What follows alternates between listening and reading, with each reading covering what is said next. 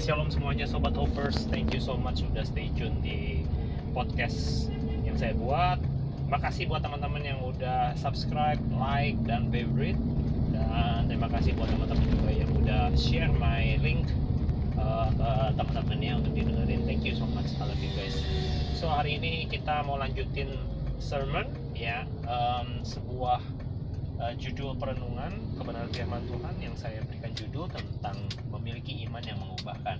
Banyak orang menjadi orang percaya, mengklaim sebagai orang percaya dan mereka mengatakan bahwa mereka punya iman. Nah, masalahnya iman seperti apa? Ya, kalau cuma klaim doang, tapi kalau mereka punya kehidupan tidak berubah, maka uh, ya ada sesuatu yang keliru, ada sesuatu yang salah. Ya, sesungguhnya ketika kita percaya pada Kristus, ketika kita encounter dengan Yesus harusnya ada sesuatu perubahan yang terjadi dalam kehidupan kita. Dan kehidupan itu eh, sejatinya berdampak. Bukan hanya berdampak kepada diri kita sendiri tapi juga berdampak kepada orang di sekeliling kita. Nah, mari kita lihat di dalam sebuah perenungan firman Tuhan yang pada hari ini kita lihat bahwa eh, kita belajar bahwa iman itu adalah yang diambil dalam Ibrani 11 ayat yang pertama kita akan mendapatkan bahwa di situ dikatakan iman adalah dasar dari segala sesuatu yang kita harapkan dan bukti dari segala sesuatu yang kita belum lihat.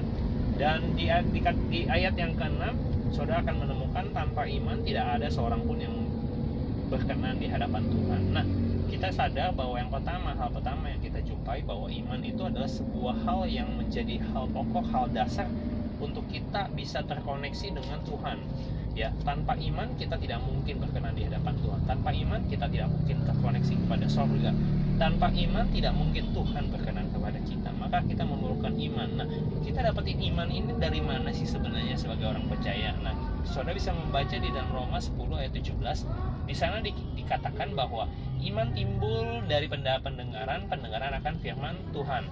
Artinya saudara-saudara saudara bisa mendapatkan sumber iman saudara hanya dari pendengaran akan firman atau saudara membaca firman. Hanya dua hal itu aja yang kita bisa bisa peroleh memperoleh iman, ya. Dan iman itu pemberian Tuhan. Nah, masalahnya apakah iman itu aktif, iman itu hidup atau tidak? Statusnya saudara harus ngecek. Nah, kita sebelum masuk ke dalam memiliki iman yang mengubahkan, iman yang berdampak, mari kita cek dulu status iman kita. Yakobus 2 ayat 17 dan ayat 22 di situ dikatakan bahwa iman yang tidak disertai dengan perbuatan adalah hakikatnya mati. Dan bahkan di ayat yang ke-22 dikatakan di situ perbuatan-perbuatan oleh karena perbuatan-perbuatan kita lah yang menjadikan iman itu menjadi sempurna. Ya, Artinya saudara-saudara dikatakan tanpa perbuatan iman itu mati. Artinya kalau saudara hanya berkata iman tetapi saudara tidak menunjukkan sebuah bukti, sebuah hal di mana orang bisa melihat imanmu, maka saya mau katakan iman itu adalah iman yang pasif, iman yang mati, iman yang tidak berdampak, iman yang statis. Nah, yang Tuhan mau untuk kita miliki dan untuk kita renungi bersama dengan dengan uh, sore hari ini sobat Hoppers bahwa kita pengen Tuhan pengen bahwa kita memiliki iman yang aktif, iman yang berdampak, iman yang mengubahkan kita semua. Haleluya. Mari kita buka uh, teladan dari seseorang, kita belajar imannya. Kita belajar iman dari seseorang yang diambil dari Lukas pasal yang 19 ayat 1 sampai 10. Saudara bisa membacanya di rumah. Saya tidak membacanya, tetapi saya membagikan tiga poin penting bagaimana memiliki iman yang mengubahkan, iman yang berdampak, iman yang aktif. Nah, kita lihat dari seorang yang bernama Zakheus. Nah, kalau saudara melihat kisah dari Zakheus, Zakheus ini adalah seorang kepala pem, uh, pemungut cukai. Dia adalah seorang yang sangat kaya dan dia punya keluarga dan dikatakan di situ dikisahkan dia adalah orang yang pendek. Nah, pada satu hari dia dia mendengar bahwa ada Yesus datang ke kota di mana dia tinggal, tetapi dia tidak bisa melihat orang seperti apa Yesus. Dia pengen lihat Yesus tapi tidak bisa lihat Yesus karena kenapa? Banyak orang banyak menunggu Yesus dan orang-orang itu berdesak-desakan rapat. Dan masalahnya yang menjadi sumber masalahnya dia pendek.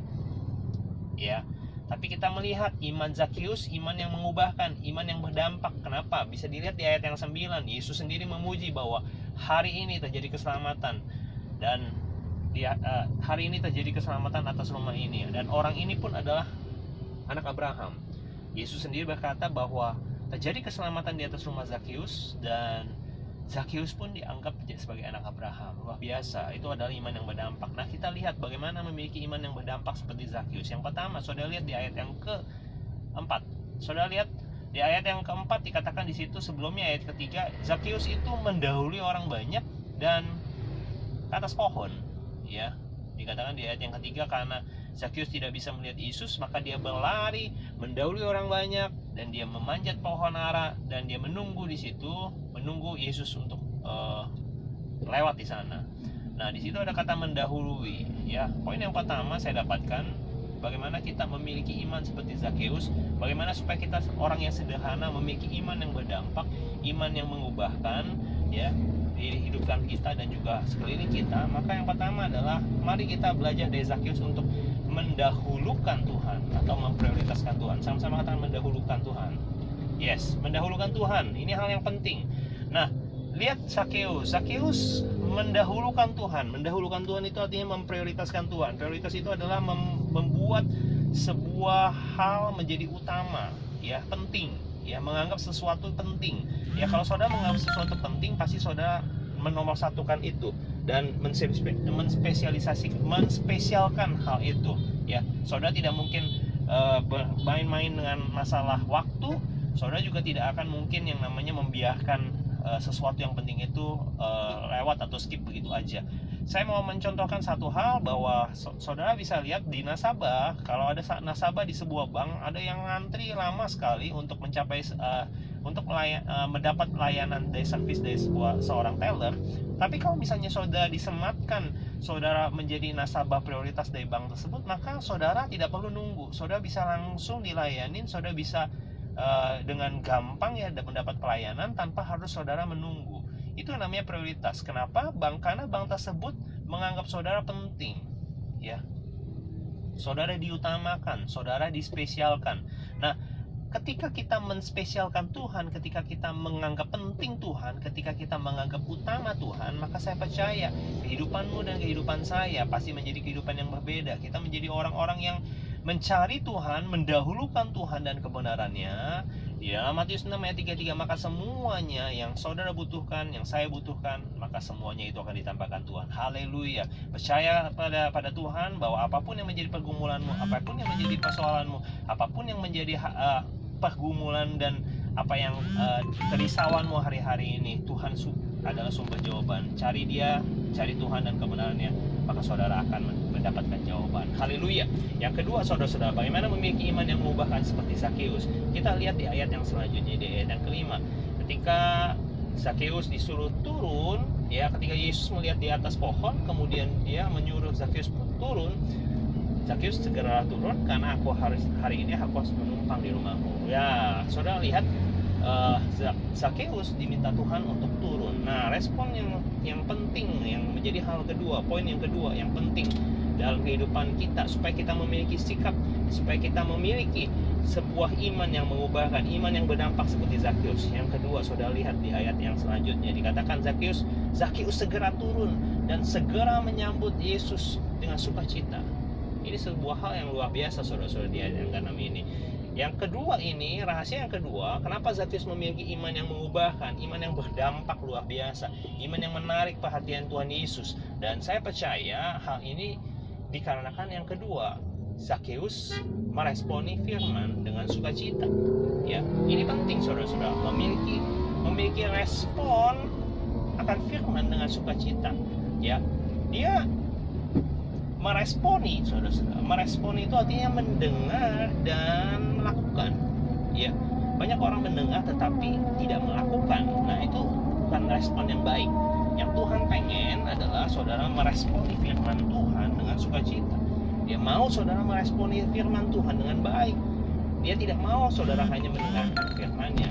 Maka saudara saya mau tanya sama saudara, kalau saudara ada seorang tua, ya dia menyuruh anaknya untuk melakukan sesuatu, kalau saudara hanya mendengar tapi saudara tidak melakukan, alangkah jengkelnya orang tua anda, alangkah kecewanya orang tua anda terhadap anaknya. Tetapi kalau sang anak melakukan sesuai dengan apa yang diperintahkan orang tua itu menyenangkan hati dia. Nah iman lewat perbuatannya itu menunjukkan bahwa kualitas anak ini benar-benar menghormati otoritas orang tuanya ya sangat mengasihi orang tuanya ya. Dan Tuhan pun juga menginginkan setiap kita anak-anaknya menjadi anak-anak yang responsif yang yang memiliki respon yang baik ketika kita bertumbuh ketika kita menjadi orang Kristen yang lama kita orang Kristen yang bertumbuh dan berakar di atas kebenaran firman Tuhan maka seharusnya kita memiliki suatu kualitas kualitas yang berbeda di tahun 2019 ini mari kita bangun kualitas yang berbeda yaitu kita meresponi setiap panggilan Tuhan kita meresponi setiap firman Tuhan meresponi apa yang menjadi ketentuan di dalam kehidupan kita untuk kita kerjakan bersama-sama saya percaya kalau saudara melakukan bagianmu saudara melakukan firman saya percaya apa yang tidak mungkin bagimu itu mungkin bagi Tuhan. Apa yang mustahil bagimu tidak mustahil bagi Tuhan. Dan saya percaya mujizat, pemulihan, keajaiban adalah bagian di dalam kehidupanmu. Haleluya, haleluya. Jadi yang pertama adalah mendahulukan Tuhan, Zakheus. Yang kedua, dia meresponi firman Tuhan dengan sukacita, meresponi firman Tuhan dengan baik. Nah, yang ketiga, saudara-saudara, mari kita lihat ketika singkat cerita Zakheus menjamu Yesus masuk ke rumahnya dan di sana dikatakan di ayat yang ketujuh semua orang yang ikut bersama-sama dengan dia bersungut-sungut dan berkata dia menumpang di rumah orang yang berdosa. Saudara lihat bahwa ketika Zakheus sedang intim, Zakheus sedang menikmati kebersamaan dengan Tuhan. Dia menikmati luar biasa, dia menikmati perjumpaan dengan Tuhan. Tetapi saudara lihat dia banyak sekali orang-orang di sekeliling Zakheus ya yang justru mencemooh dia, mencemooh Yesus ya dan banyak orang nggak suka ya mungkin saudara mengalami hal itu ya. Kalau saudara lagi orang-orang yang bertobat baru maka saya mau katakan hati-hati. Ya karena kenapa? Karena ada satu oknum yang tidak suka kalau anda bertobat dengan sungguh-sungguh. Ya yaitu iblis ya. Mantan teman kita gitu ya. Mantan teman kita pada saat kita berdosa. Dia selalu mengajak saudara untuk kembali kepada dia. Ya pengkhianatan itu tidak dapat dia dia terima gitu. Dia pasti akan melakukan segala cara. Salah satunya apa? Dia menggunakan banyak orang untuk supaya membuat saudara kecewa membuat saudara khawatir membuat saudara tertekan membuat saudara depresi membuat saudara sedih membuat saudara marah membuat saudara kecewa dan meninggalkan Tuhan kembali kepada dia dia sering memakai orang-orang. Nah, sama seperti Zakheus di sini mengalami bahwa tekanan-tekanan ini datang dari semua orang di sekeliling dia. Saudara tahu, orang-orang di sekeliling dia bukan orang-orang yang yang biasa. Mungkin ada orang-orang hebat, mungkin juga ada murid Yesus di sana, mungkin ada orang yang melayani Yesus yang mencemooh Zakheus. Mungkin saudara berpikir bahwa kok begitu sih? Karena banyak saudara-saudara banyak orang menjadi kecewa karena hamba Tuhan. Banyak orang kecewa menjadi karena pelayan Tuhan. Banyak orang kecewa karena orang Kristen.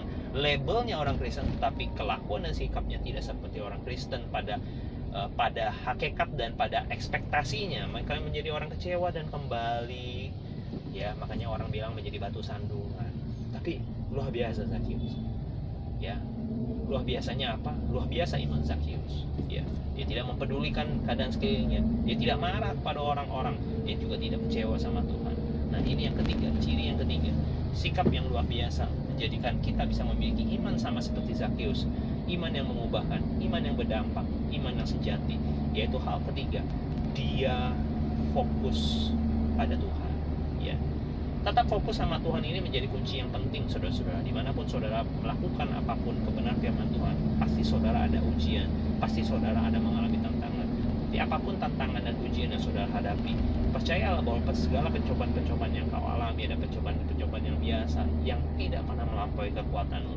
Dan pada saat engkau dicobai, Tuhan sendiri berkata bahwa di dalam 1 Korintus 10:13 Dia akan memberikan kepadamu jalan keluar.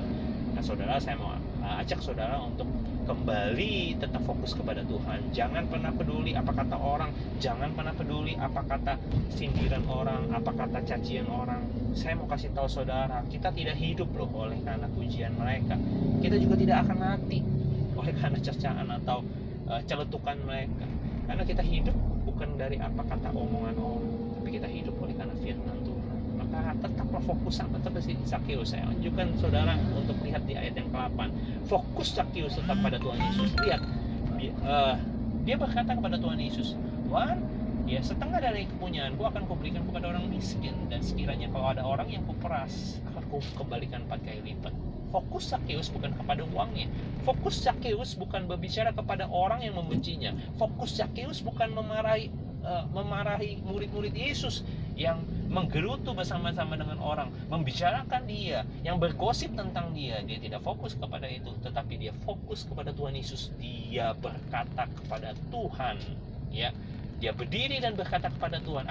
Artinya apa? Dia mengekspresikan segala apa yang menjadi kegundahannya, apa yang menjadi jawaban hatinya, apa yang menjadi imannya di dalam kehidupannya straight away. Dia tidak melihat masalah di sekelilingnya, dia tidak peduli dengan kerikil-kerikil sepanjang perjalanannya. Dia fokus hanya kepada piala dan mahkota. Ya, jadi fokusnya hanya kepada Tuhan Yesus. Dan dia berkata, tadinya fokusnya kepada harta, tadinya fokusnya kepada kekayaan dunia, tetapi ketika berjumpa dengan Yesus, imannya berubah. Hidupnya bukan lagi Zakheus yang dulu, tetapi hidupnya ada Kristus bersama dengan dia. Oleh karena itu, uangnya setengah yang walaupun dia yang sangat kaya, dibagikan kepada orang miskin. Luar biasa, saudara-saudara. Perubahan yang luar biasa di dalam kehidupan Zakheus. Saya mau kasih tahu saudara-saudara, tidak semua orang kaya itu bisa murah hati. Banyak orang kaya tidak, tapi saya mau katakan tidak semuanya bisa bermurah hati. Tetapi orang kaya yang dijamah Tuhan, yang mengalami encounter dengan Tuhan, yang memiliki iman yang sejati kepada Tuhan Yesus, yang menggantungkan semua apa yang menjadi pengharapannya di dalam kehidupannya, bukan kepada harta kekayaannya, bukan apa yang diandalkannya adalah harta kepunyaannya. Saya percaya pribadinya menjadi pribadi yang murah hati. Ya, dia tidak takut kehilangan setengah daripada hartanya ya kalau anggap saja saudara-saudara Zakheus itu punya harta mungkin saya cuma analogikan dia punya harta satu triliun satu triliun itu berarti seribu miliar. Ya itu cukup kaya saudara-saudara. Seribu miliar cukup kaya menurut saya kalau di Indonesia ya. Seribu miliar berarti kalau misalnya separohnya dikasih ke orang miskin berarti 500 miliar saudara-saudara. 500 miliar. Kalau saya hanya menganalogikan kalau saya membeli ruko ya, kalau harganya 2 miliar berarti saya punya 250 ruko seperempat daripada milik uh, Bank Paris ya di biasa. Kaya saudara-saudara. Tapi dia tidak terlalu fokus lagi kepada kekayaannya bukan kekayaan yang membuat dia suka cita tapi dengan Tuhan adalah sukacita sejati yang dia miliki dan tidak mau dia lepaskan dan dia tidak mau tukarkan kepada apa-apa lagi. Ya jadi itu tiga hal. Yang pertama adalah mendahulukan Tuhan. Yang kedua meresponi firman dengan baik. Yang ketiga tetap fokus sama Tuhan Yesus kiranya Tuhan apa yang saya bagikan pada pada kesempatan ini saudara bisa dapatkan. Dan tiga hal ini biar saudara bawa terus. Sepanjang tahun 2019 kita mencoba mengaplikasikan di dalam kehidupan kita. Mari kita mendahulukan Tuhan kita mencari Tuhan memprioritaskan dia mengutamakan dia di atas segala-gala aktivitas kita. Dan marilah kita menjadi pribadi-pribadi yang meresponi setiap kebenaran firman Tuhan dengan sukacita. Bukan hanya menjadi pendengar tapi juga melakukan firman Tuhan. Dan ketika kita melakukan firman Tuhan pasti banyak tantangan pasti banyak halangan pasti banyak yang namanya gangguan ya. Tapi yang ketiga, saya mengingatkan kalian, kita semua, termasuk saya, saya mengingatkan diri saya juga. Ayo tetap fokus sama Tuhan Yesus. Apa pun yang terjadi, tetap fokus kepada Tuhan Yesus. Jangan sampai kita meleng, jangan sampai kita uh, terpikat sama yang lain, tetapi mari kita set mata kita kepada Tuhan Yesus. Tuhan memberkati kita semua. Shalom semuanya. God bless you all. See you in the next episode. Be blessed and bye bye.